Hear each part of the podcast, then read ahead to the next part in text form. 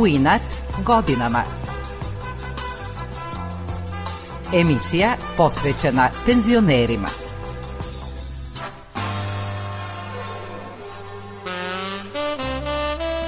Dobro jutro i dobrodošli na druženje u emisiji U inat godinama. Danas ćemo se družiti sa fotoreporterom u penziji Branislavom Lučićem, koji i dalje nosi svoj fotoaparat i beleži vreme, ljude i događaje. Branislav je u protekle 43 godine kao fotoreporter dnevnika na festivalima i u pozorištu zabeležio mnoge umetnike. On je prvi koji je u Srpskom narodnom pozorištu fotografisao glumce na sceni u pokretu i tako otvorio novo poglavlje u načinu fotografisanja predstava i proba. Zarad dobre fotografije bio je i u situacijama opasnim po život. Ima bogatu arhivu vremena kada se drugačije živelo. Branislav je to vreme zabeležio na svojim fotografijama. Poslednjih nekoliko godina on sortira i digitalizuje milione negativa. Često crno-belim fotografijama posle više decenija obraduje ljude koji su na njima.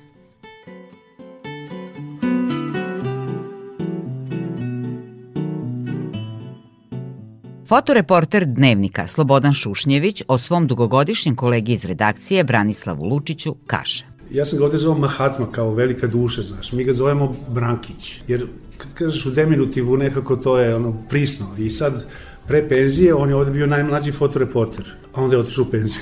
Zašto?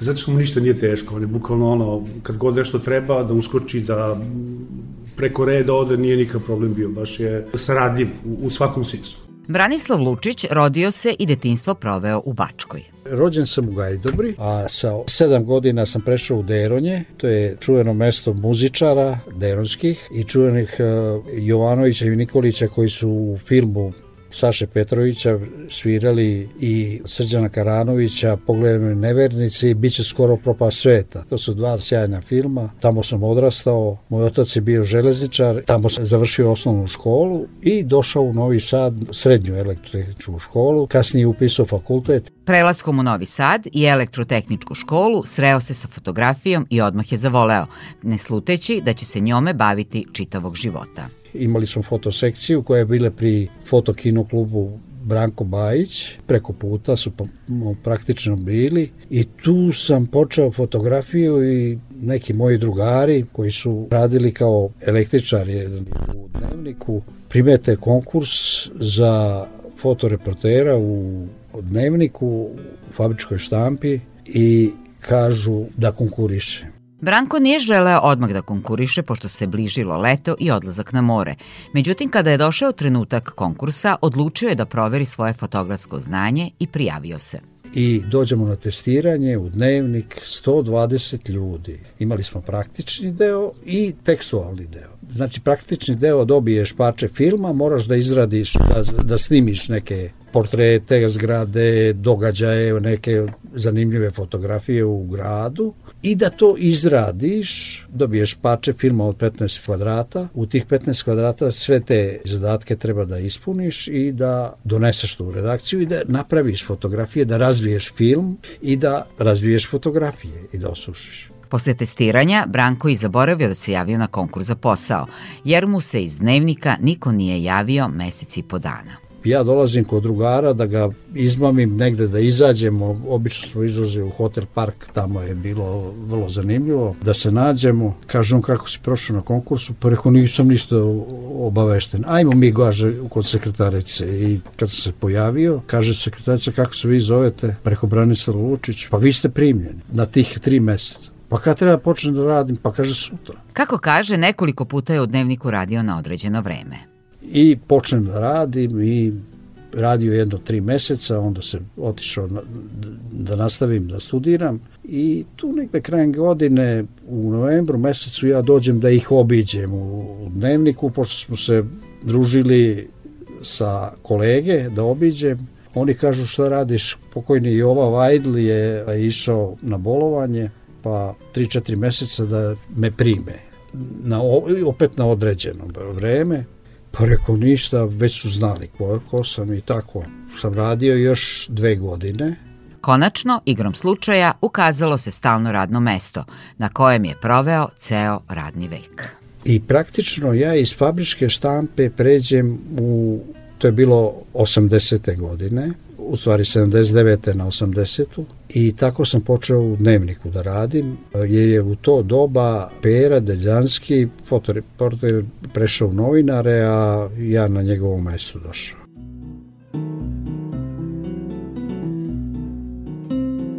Branislav Lučić je prvi počeo u Srpskom narodnom pozorištu da fotografiše glumce u pokretu. U tu priliku doveo ga je njegov drug iz mladosti, venčani kum, glumac Miodrag Petrović. Naime, Radoslav Milenković je režirao predstavu Striptiz, a igrali su Predrag Momčilović i on. Odlučili su da fotografije predstave budu zabeležene u pokretu, priča Miodrag Petrović. I pozvali smo Lučića da napravi fotografije, ali malo drugačije, ne ono da slika iz gledališta pa da budu fotografije informativne, nego da, da on bude kao treći lik u toj drami. Dakle, da šeta po sceni. Mi igramo, ne obraćajući pažnju na njega, a on ide i slika slika iz raznih uglova. Tako da je napravio fantastične fotografije pozorišne i to je na neki način bio proboj. Probio neke granice, otvorio nešto novo. Videli to ljudi i počeo da radi tu u pozorištu. Posle te predstave usledila je Sveti Georgije ubivaš dahu i kasnije su sve predstave zabeležene Brankovim objektivom. Tako sam došao do Srpskog narodnog pozorišta i radio tamo za pozorišni list, pa onda za predstave, pa njima radio jedno pa sigurno jedno 20 godina u Srpskom narodnom pozorištu fotografije. Pored njihovog zvaničnog fotografa, ja sam radio, jer uh, u to doba fotografi u, u pozorištima su dovodili glumce, nameštali scenu i fotografisali kao fotografi. A mi smo doneli neki novi pristup fotografiji gde oni igraju, a mi ih hvatamo to je novinski pristup. I to se dopalo ovima u CNP-u i onda sam tako radio. Nije lako fotografisati u mraku pozorišta dok se igra predstava, nastavlja Branko. Zato što smo imali ograničeno osetljivost filma i morao si u nekim situacijama da se snađeš pomoću hemije da pojačaš osetljivost tog filma, ali onda ne ispadnu lepe fotografije, ne ispadnu to, tonski lepe, mislim na tonalitet, radili smo uglavnom crno-belu, kasnije smo prešli u 90. godinama kolor. Branko je pre nego što je predstava Sveti Georgije ubivaš dahu dobila sterinu nagradu, napravio izložbu fotografija sa te predstave. Recimo Sveti Georgije ubiva Aždahu Duška Kovačevića u, u SNP-u. To je bila jako nagrađivana predstava, jedna od najboljih predstava Srpskog narodnog posorišta koja je dobila i sterine nagrade i to sam pravio izložbu pre nego što je predstava prikazana na Sterinom pozorju, ona je redovno išla ovde i mi smo sa njom gostovali, ali naravno sa Srpskim narodnim pozorištem sam išao i po celoj Srbiji i bili smo i na Kosovu 98. Mi smo išli sa tim predstavama tamo dole u, na Kosovu, Peć, Prištinu, Gračanicu i tako. Branko Lučić objašnjava zašto su za svaku novinsku priču važni fotoreporteri. Fotoreporteri su prišli drugačiji u odnosu na fotografa. Kod fotografa si morao da poziraš, a ovde te on hvata kao živog čoveka, kao izraz. I naravno da se vidi da je živ. On priča dok novinar razgovara, ti ga hvataš dok govori. I naravno gestikulacije koje ima bilo rukama ili izrazima lica. Za fotoreportere je najvažnije strpljenje i čekanje pravog trenutka, ističe Branko. Morao si da vodiš računa o ekspoziciji koju imaš, jer brzina može da se razmadne lik ako ne koristiš određenu brzinu, a to je u sportu jako važno jer lopta mora da se zamrzne, da je vidiš da je okrugla, ne da bude elipsa. Onda moraš znati predstavu i posmatrati i slušati i očekivati neki razvoj dramaturgiju predstavi da to snimiš. Tako i u sportu. Ti ne znaš kad će gol, ali osjećaš da napraviš određen moment i kako će ko da reaguje na koju stvar. Za čekanje trenutka nekada je bilo potrebno više strpljenja, jer se i film štedeo, a danas je taj posao mnogo lakši uz digitalne fotoaparate kad izlačiš akciju tu bilo kom sportu, detalj, ili gol, ili akciju, skok, skok, ili u rukometu bacanje, ono, moraš imati osjećaj kad će on baciti pa da u određenom trenutku okineš. Kod digitalnih fotoaparata uključiš sad uh, brzo snimanje pa onda imaš, uhvatiš to a recimo u crno-beloj fotografiji je bilo bitno uhvatiti moment balet kad balerine lebde ili prave okret. On je kao fotoreporter dnevnika išao na gotovo sve festivale tadašnje Jugoslavije i beležio važne trenutke, ljude i događaje novinari su obično podeljeni po rubrikama i prate jednu oblast, a mi smo raznovrsni radimo i sport i kulturu i privredu i naravno politiku. Sve oblasti pokrivamo jer to je deo posla koji mi radimo. Tako da je zanimljivo raditi i raznovrsno je. Onda odlaziš na festivale, smo išli na Pulski festival, Dubrovačke letnje igre, Zagrebački festival zabavnih melodija, Sarajevski festival. Branko je svojim objektivom trajno zabeležio mnoge umetnike i ljude koje volimo i one koje smo voleli. Kako bi sačuvao te prohujele trenutke i fotografije, on sačuvane negative prilagođava novim tehnologijama. Posebno glumce i pevače posebno portrete imamo jako bogatu arhivu, ne znam koliko snimaka, to je užas. To su milioni u pitanju skeniranih negativa i to držim i u negativu, ali i posebno skeniram na kompjuter, odnosno na eksterne memorije više ne moraš ni da primi kompjuter toliko snimaka. Fotoreporter Dnevnika Slobodan Šušnjević kaže da Branko ima najbogatiju arhivu fotografija naših najpoznatijih javnih ličnosti. Branko bi mogao sad recimo bude jako bogat čovek, pošto on sada u svojim penzionerskim danima skenira negative iz sve, cele svoje karijere, pošto on ima jedini dokaz da Rale Mrnenković nekad imao kosu. I sad vidim da je Rale to objavljivao na Facebooku i sad puno ljudi on obraduje, jer je u njegovom tom kontinuitetu praćenja pozorišta i Dušana Kovačevića i, da kažem, Bardove glumačkog sveta zabeležio i sada to dobije jednu potpuno drugu dimenziju. To sa crno-belih filmova niko nema. Tako da je Branko sad ima jednu banku i kaže mogao bi da bude, ali nije to Branko, to je Brankić koji nikome to nikada neće naplatiti, nego je samo šalje i obraduje te ljude posle toliko decenija karijere. Kao što i Slobodan kaže, Branko često obraduje ljude zaboravljenom fotografijom.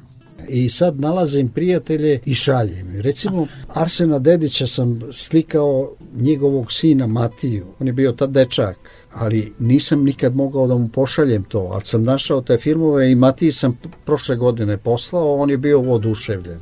Ili recimo ovoj Olji Bečković ili Ibrici Jusiću. Kad sam poslao Ibrici Jusiću fotografije gde se on upoznaje sa Desankom, oni su se znali ovako, ali ne i lično, on se oduševio.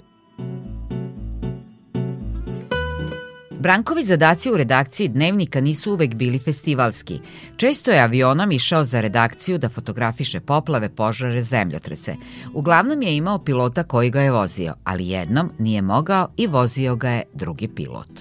Međutim, kad smo poleteli, onda se shvatio da on ne zna da leti, da on sakuplja časove letenja. Doleteli smo do Save, preko Fruške gore. Nisam smeo da mu kažem da ponire, da zauzme neku određenu pozu, nego video sam koliko je sati u samom letu. Kad smo sletali, on je vikao moramo sleteti uz vetar, uz vetar. O sebi govori, a ja ga čujem preko slušalica. Posle mesec i po dana kažu srušio se neki avion u Bačkom Jarku, poginuo pilot, on je pilot bio. Branko se seća još jednog rizičnog snimanja u Priboju na Limu, gde su došli zbog serijala o manastirima u Srbiji. Naime, veče u oči sastanka i snimanja u manastiru Banja, novinar Željko Marković i on svratili su obližnju kafanu gde je podnapito društvo igralo bilijar.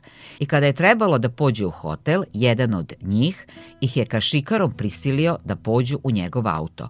Bili su bukvalno oteti prisilno vadeći bombu kašikaru koju je držao zajedno sa volanom i osigurač pokazivo samo treba da ga povuče da mi moramo ići sa njim jer on sumnja u nas i u policiju nas odvede i naravno policajci vide da smo mi novinari i da su pijani. Ja sam sutra dan tražio da prijavimo to kao policije, kao zvaničan otmicu na neki način novinara. I Željko je to napisao u jednoj knjizi, Željko Marković kolega. I Brankov kum i prijatelj, glumac Miodrag Petrović, kaže da bi njegov foto opus svrstao u tri kategorije. Jedna bi bila pozorišna, uslovno rečeno, gde on hvata i poetiku drame. Ti kad vidiš, ti možeš da razumeš šta je hteo reditelj da kaže, ne, nisu samo informativne. Tako da je tu vrlo uspešan. Druga je ona neka dokumentarna gde sliko važne ljude, važne događaje i pun je toga Treća bi bila neka, on je onako i neustrašilj, ja nikad se ne bih usudio da letim tako, on je leteo i slikao iz vazduha negde e, te pejzaže Vojvodine, pa to su umetničke fotografije. Miodrag kaže da je Branislav fotografijama sarađivao na jednoj njegovoj knjizi poezije. Ja sam objavio jednu knjigu koja se zove Luda, gde sam kombinovao fotografije i tu moju poeziju, bojeći se da će to ipak možda da bude nešto tako bez veze. Međutim, to je tako dobro funkcionisalo, jer fotografija tako pokrene lavinu sećanja, otvara neke prozore, čovjek se seti detalja i u toj knjizi najviše fotografija imam, naravno, Lučićevih. Branko se seća da je slučajno 1992. godine, snimajući đake prvake u jednoj školi, slučajno snimio jednu od najlepših fotografija. I u dnu vidim jednog dečaka koji, a svako je dobio jabuku. On je s tom jabukom od uzbuđenja zaspao na klupi, da mu se čak i vidi lice. Ja primetim i dotrčim. To je reakcija, dopala mi se ta fotografija i ja dotrčim i napravim jedan snimak, drugi već otac ga probudio. Na tu fotografiju pesnik Duško Trifunović je napisao pesmu u dahu, seća se Branko. I odnesem tu fotografiju u Prometej i pokažem, pošto smo mi radili fotografije tad kolor u laboratoriji, pokažem Dušku Trifunoviću. I Duško se oduševi i okrene fotografiju i na poleđini napiše zašto decu morališu da crtaju i da pišu kad su deca premedena samo dok su nepismena. Iz glave, Branislav Branko Lučić i dalje po potrebi fotografiše u Srpskom narodnom pozorištu i Matici Srpskoj. Pošto još skenira svoje stare negative, misli da bi bilo dosta materijala za izložbu. To bi mogao da napravim na jednu izložbu u Matici, recimo, značajnih ljudi poput Dobrice Ćosića, Vaske Pope, da ne govorim o Ihizu, recimo radio sam Infant festival, ali sam i radio Proza Fest. I tu jako puno pisaca imam, recimo najznačajnije pisci koji su dobili Nobelove nagrade i tih pisaca, glumaca i sveta kulture. Branislav Lučić i dalje svojim aparatom beleži trenutke, ljude i događaje u našem gradu i ostavlja ih u nasledstvo budućim generacijama.